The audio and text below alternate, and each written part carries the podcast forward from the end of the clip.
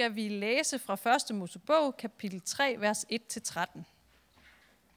Slangen var det snedigste af alle de vilde dyr, Gud Herren havde skabt.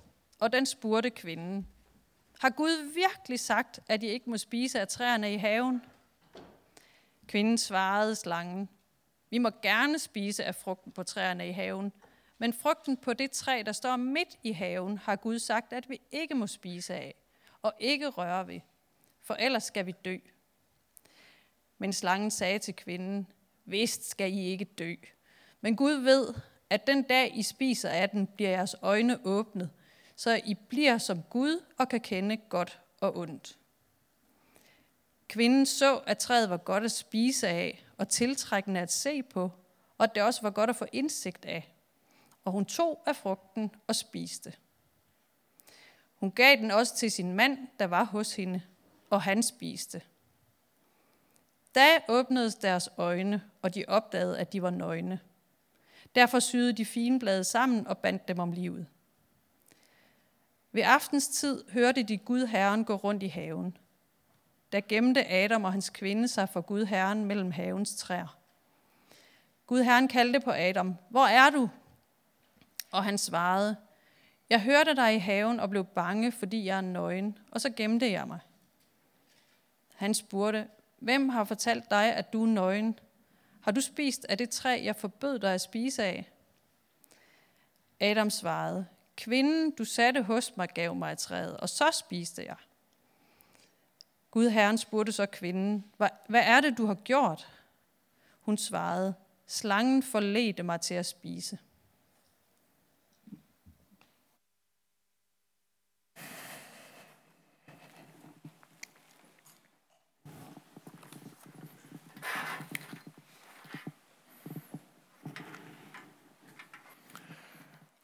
Jeg tager lidt en øh, risiko i dag. Det er I jo ikke vant til. Øhm, og jeg tænkte, tænkte, tænkte mig, at vi skal starte med, jeg vil starte med lige at forelæse lidt om zombier i dag. Øh, jeg ved godt, der er nogen, der er sådan er mere vampyr eller varulve-fans, men zombier, de er altså noget af det mere interessante, som er sådan øh, opstået inden for de sidste, sidste øh, par år. I en zombiefilm, for dem, der ikke ved sådan noget, så er plottet, at øh, hele menneskeheden er ved at gå under. Vi er alle sammen blevet, eller zombierne er blevet smittet med en eller anden farlig, farlig virus. Og øh, nu er der simpelthen kun én ting, de længes efter. Og det er menneskekød. Så som hvileløse kadaver, så går de sådan rundt på jorden og prøver at fange de resterende levende mennesker, øh, så de kan sætte tænderne i dem, og de også kan blive zombier. Zombien er egentlig en øh, ret ny opfindelse, øh, selvom den har nogle rødder længere nede, hvis du skifter til næste slide. I øh, 1968 så kom øh, George Romero's film Night of the Living Dead, øh, og siden så er de sådan stille og roligt vokset og blevet mere og mere populære, øh, indtil øh, The Walking Dead for, for, for eksempel, som er en af de mere populære udgaver af dem. En af mine personlige favoritter, den får vi til gengæld i, øh, i en, en lille film her, der hedder Warm Bodies. I Warm Bodies, så er zombien er, øh, han, render, han render rundt og keder sig han er ikke sådan blevet sådan helt fuld zombie endnu. Øh, og selvom han godt sådan lige kan ralle lidt en gang imellem for at kommunikere, så keder han sig vældigt, fordi det er, det er ret, ret kedeligt at være zombie. Men så en dag, så forelsker han sig i mennesket Julie, der står derovre til venstre. Øh, og hende ender han simpelthen med at, at elske så højt, at han ikke æder hende. Øh, det er rigtig romantisk.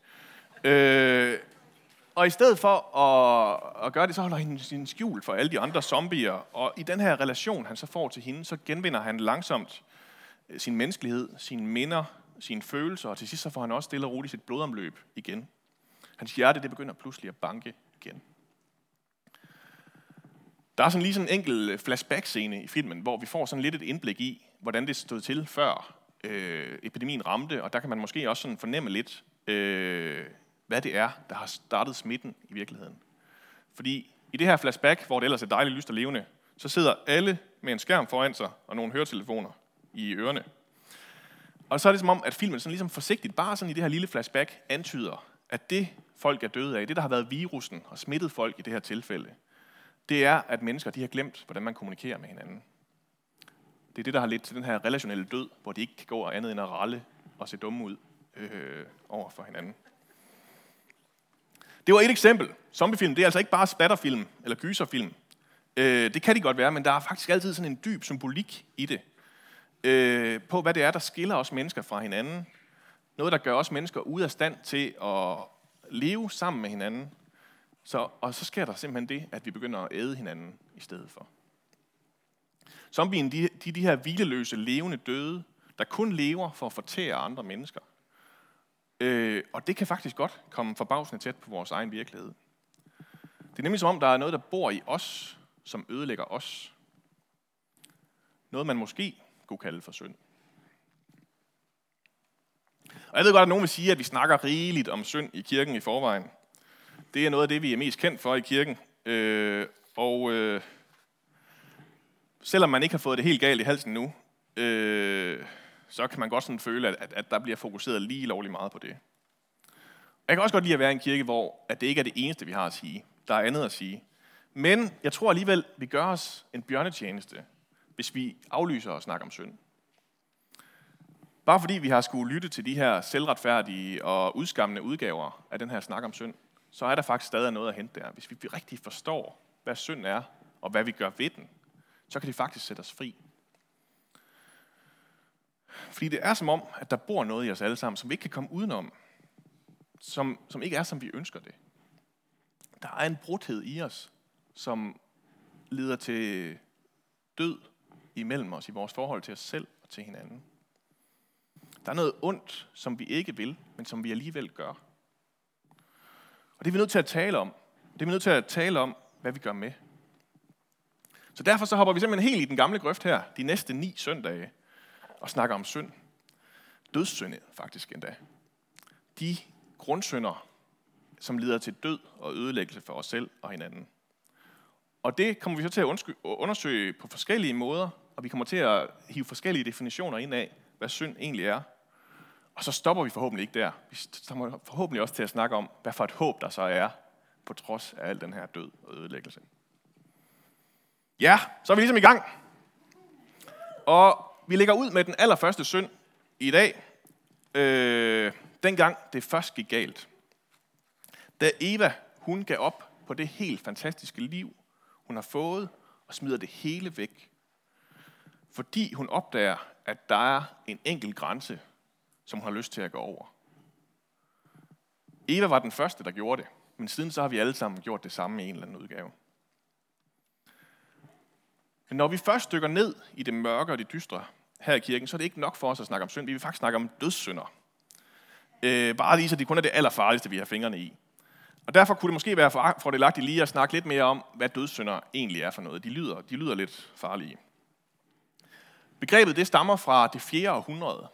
Der sidder der en munk, der hedder Evagrius Ponticus, ude i ørkenen og lever som eneboer der. Så han har rigtig, rigtig god tid til at blive konfronteret med sig selv, og til at lære sine egne fejl og mangler at kende. Og han filosoferer meget over, hvad synd er, og ender med at konkludere, at definitionen er sådan her.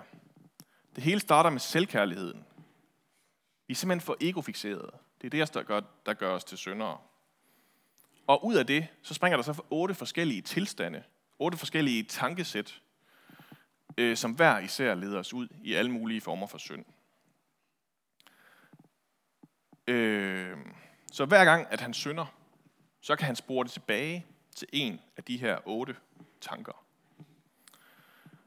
Så en, død, en dødssynd, det er altså en tilstand, som leder ind i andre former for synd. Det er derfor, den er så dødsensfarlig. For eksempel er det jo en synd at stjæle. Det ved vi godt. Det kan vi blive, flest af os blive enige om er forkert.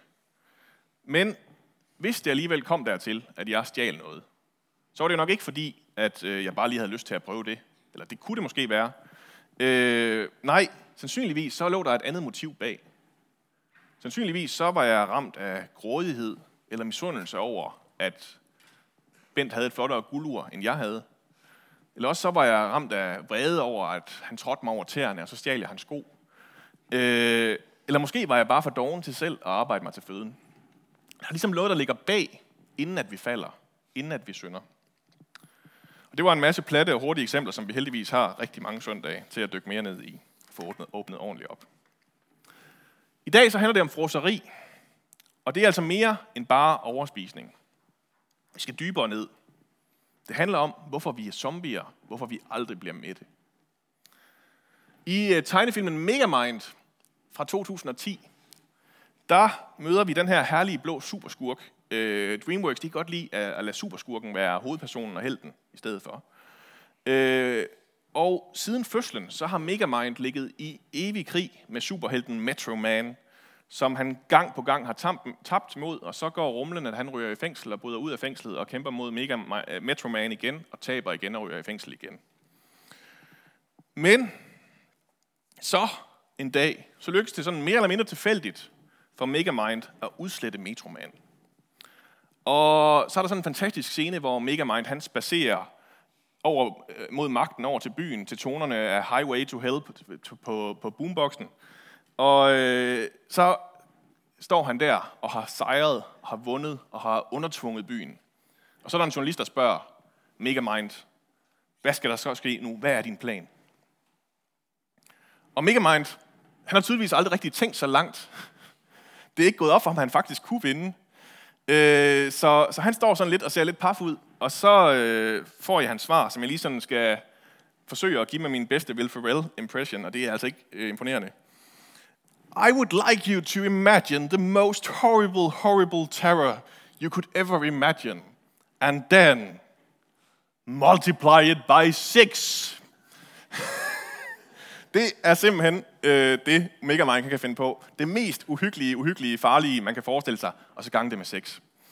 Øh, now that he is gone, I can have everything I want, and there's no one to stop me. Og så øh, er der sådan en fin montagescene med sådan cirka 30 sekunder, hvor han har det sjovt og fester, og så starter tomheden. Så ved Megamind ikke, hvad han skal bruge sit liv på. Der er en, der har sagt det sådan her. Øh, næste slide. There's only one thing worse than not getting what you want. And that is getting it. Der er kun én ting, der er værre, end ikke at få det, vi drømmer om. Og det er faktisk at få det. For hvad skal vi så gøre? Prædikeren, en rig konge fra Israel, der har alt, har prøvet det hele, han står tilbage dybt, dybt, dybt deprimeret. Han siger i hans bog i Bibelen sådan her. Men det er en ulykkelig plage, Gud har givet mennesket at plage sig med. Jeg så alle de ting, der sker under solen, er tomhed og jagen efter vind. Jagen efter vind er det det, der sker. Det er det, der sker med os, når vi lader os indfange af froseriet. Vi render rundt fra vindpust til vindpust. Tænker hele tiden, at der må være noget sjovere lige om hjørnet. Noget mere spændende på den anden side af hækken. Og vi bliver skuffet gang på gang. I den digitale tidsalder, der har det fået et nyt navn. FOMO, Fear of Missing Out. Øh, der er ligesom en slange, der hele tiden visker i vores ører, at der er noget mere spændende derude. Og det vækker frygten for at gå glip af noget. Det er simpelthen det værste, vi kan forestille os som unge, moderne mennesker. Den fornemmelse, at de andre måske har en fed oplevelse, som jeg ikke er med til. Frygten for at fortryde der, hvor man er, fordi at der skete noget andet. Frygten for alle de muligheder, man har fravalgt. Måske er jeg gået glip af at møde et spændende menneske, eller måske kunne jeg have tjent en masse penge, eller måske så var der en helt særlig gæsteoptræden ved den der koncert, som jeg gik glip af, fordi jeg tog et andet valg. Og det er noget af det mest frygtelige, vi kan forestille os. Øh, og når vi når så til enden af det, har fået superkraften til faktisk at være connected med resten af verden for enden af vores tommelfinger, med få tryk væk hele tiden, så er det næsten umuligt at lade være. Så er vi fanget af det her hele tiden. Simpelthen ikke risikere at gå glip af noget.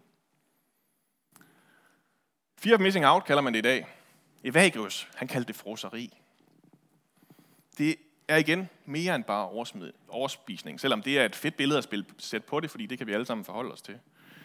Øh, men det latinske ord for det, fordi så tænker jeg, det er nemlig ikke med i min græsk års kvote, øh, for dødssynd, det er froseri. Glutire. Øh, øh, glutire betyder froseri på latin. Og det, det egentlig betyder, det er at sluge maden. Det er det, der er på spil. Vi skal have så meget med. Vi skal have oplevet så meget, have så meget spist, og have så meget øh, smagt og set og prøvet, at vi simpelthen er nødt til at sluge det hele for at få plads til det næste.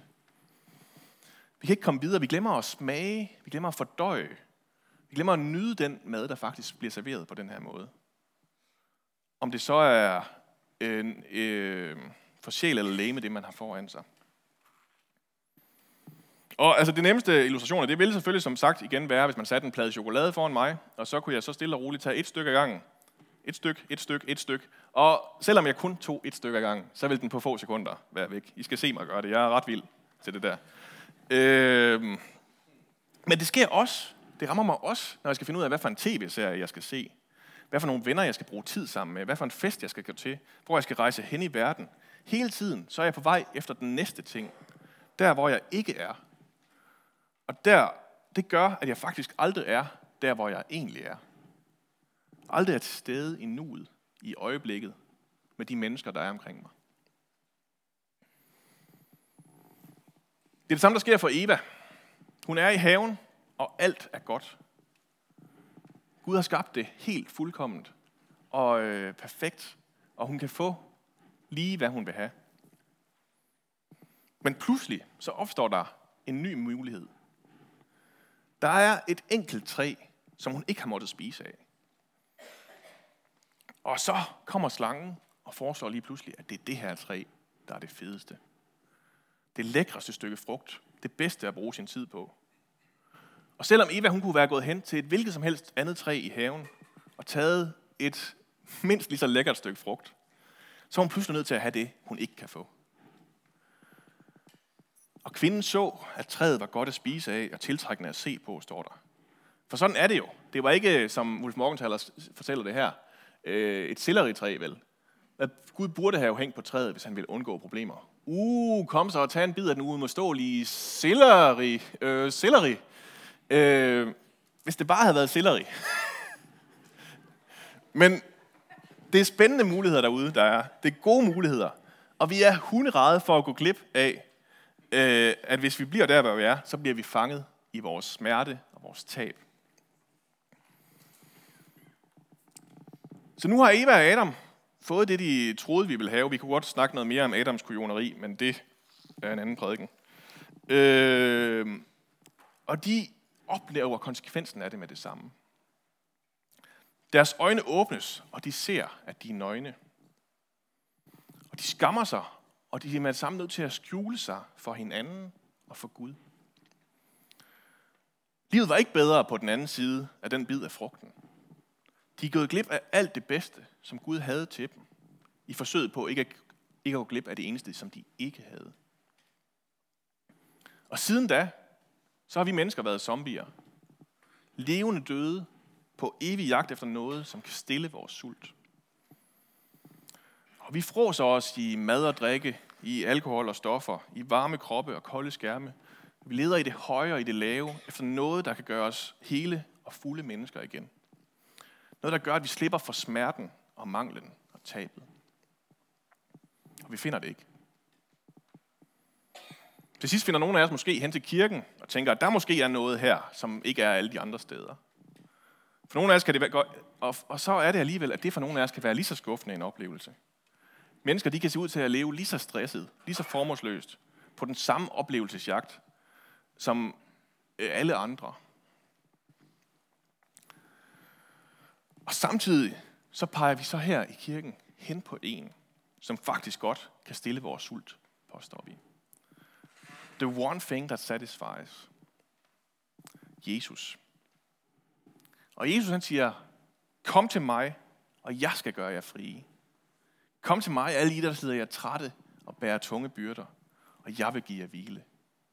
Kom til mig, alle I, der tørster, og jeg vil give jer det levende vand, så I ikke længere skal tørste.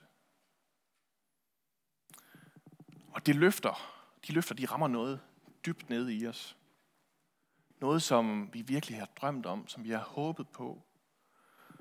Og, hvor, som, og som alt det andet måske i virkeligheden var en forvirret jagt på at nå hen til. En Gud, som vil tage sig af mig. Som sørger for mig. Det er det, der er løftet til os, som prøver at frose os til det gode liv.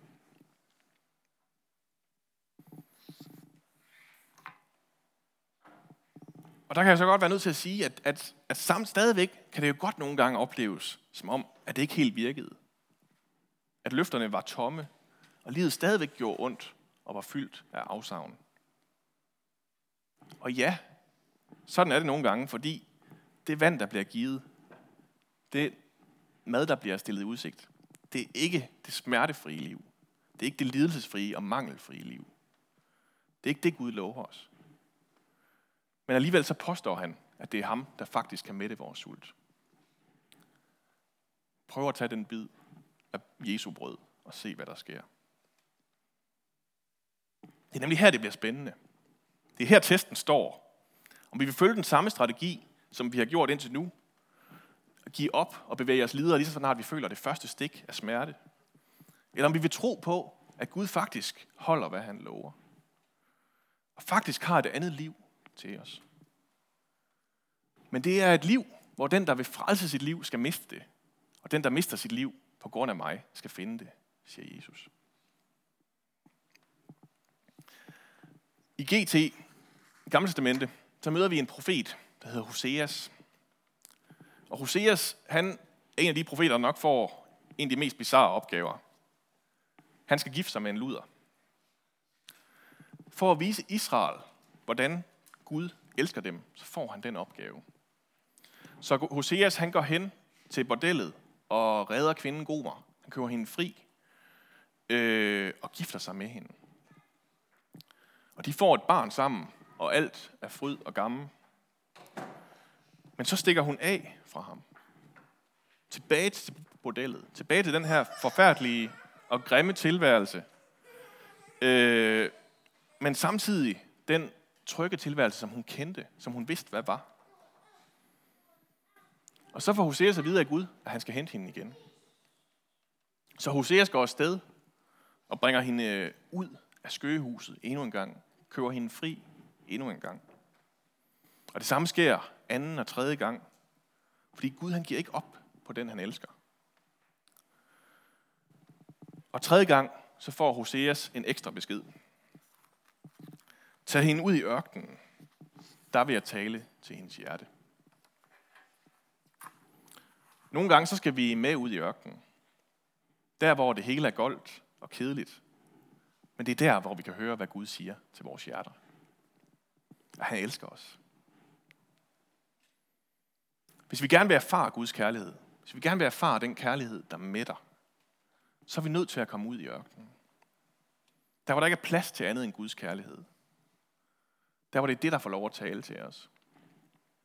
Der hvor vores smarte telefoner og skrigende unger og urimelige deadlines ikke får lov til at styre vores liv. Der kun er Gud tilbage. Og der kommer han og befrier os fra det hele. Han kommer og knuser slangens hoved. Den, der hele tiden har visket til os. For ham, som havde hele vores verden foran sig. Ham, som kunne vinde alt og prøve alt. Ikke behøvede at gå glip af noget. Han valgte alligevel at lide afsavn og føle smerte. Give afkald på det hele og gå ind i menneskelivet. Ind i vores tilværelse. Og han ender med at faktisk at dø af det. Og på den måde, så bryder han froseriets magt. Han afslører, hvor tomt det hele er. Han opstår igen og sejrer over død og smerte. Og det er derfor, han er værd at følge. Det er derfor, han er værd at stole på. Det var ham, der betalte prisen. Ham, der sejrede over syndens magt. Froseriets magt. Og gav os fred. Far, vi øh, bekender, at vi nogle gange er zombier, som lever vores liv efter det første og det bedste, der kan stille vores sult. Hele tiden er på jagt efter noget andet og noget bedre end der, hvor vi er. Far, lige siden Eva gjorde det første gang, så har vi ikke kunnet lade være med at overskride de sunde og gode grænser, som er i vores liv. Vi er hele tiden hen efter det næste. Det, som vi ikke har prøvet endnu som vi ikke vil gå glip af. Og far, du afslører for os, at det er jagen efter vind. At vi aldrig bliver til tilfredse på den måde. At vi altid bliver ved med at være tørstige og sultne. Så far, vil du i stedet for tage os ud i ørkenen, vise os din kærlighed, stil vores sult, giv os det levende vand, så vi aldrig mere skal tørste. Det er kun dig, der kan, far.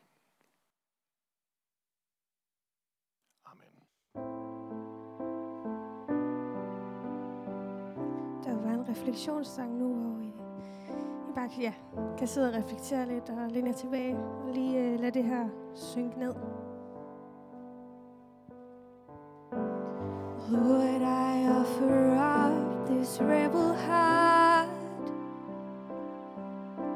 stubborn and so restless from the start.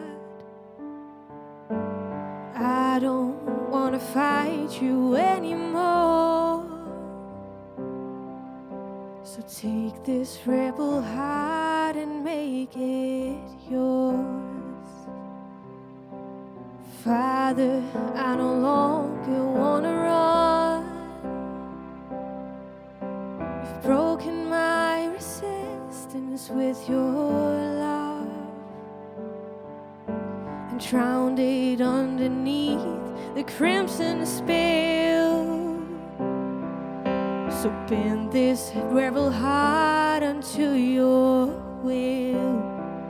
I give it all over to you. I give it all over to you.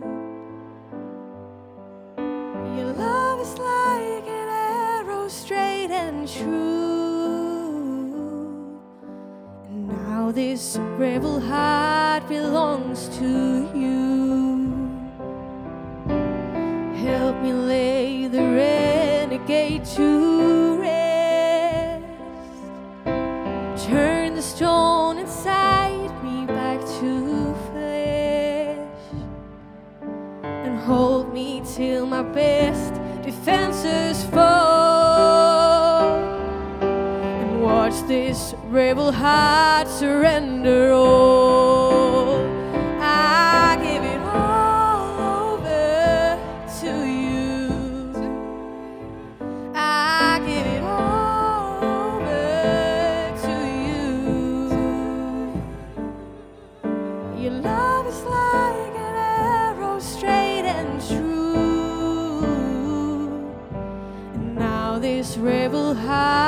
Belongs to you.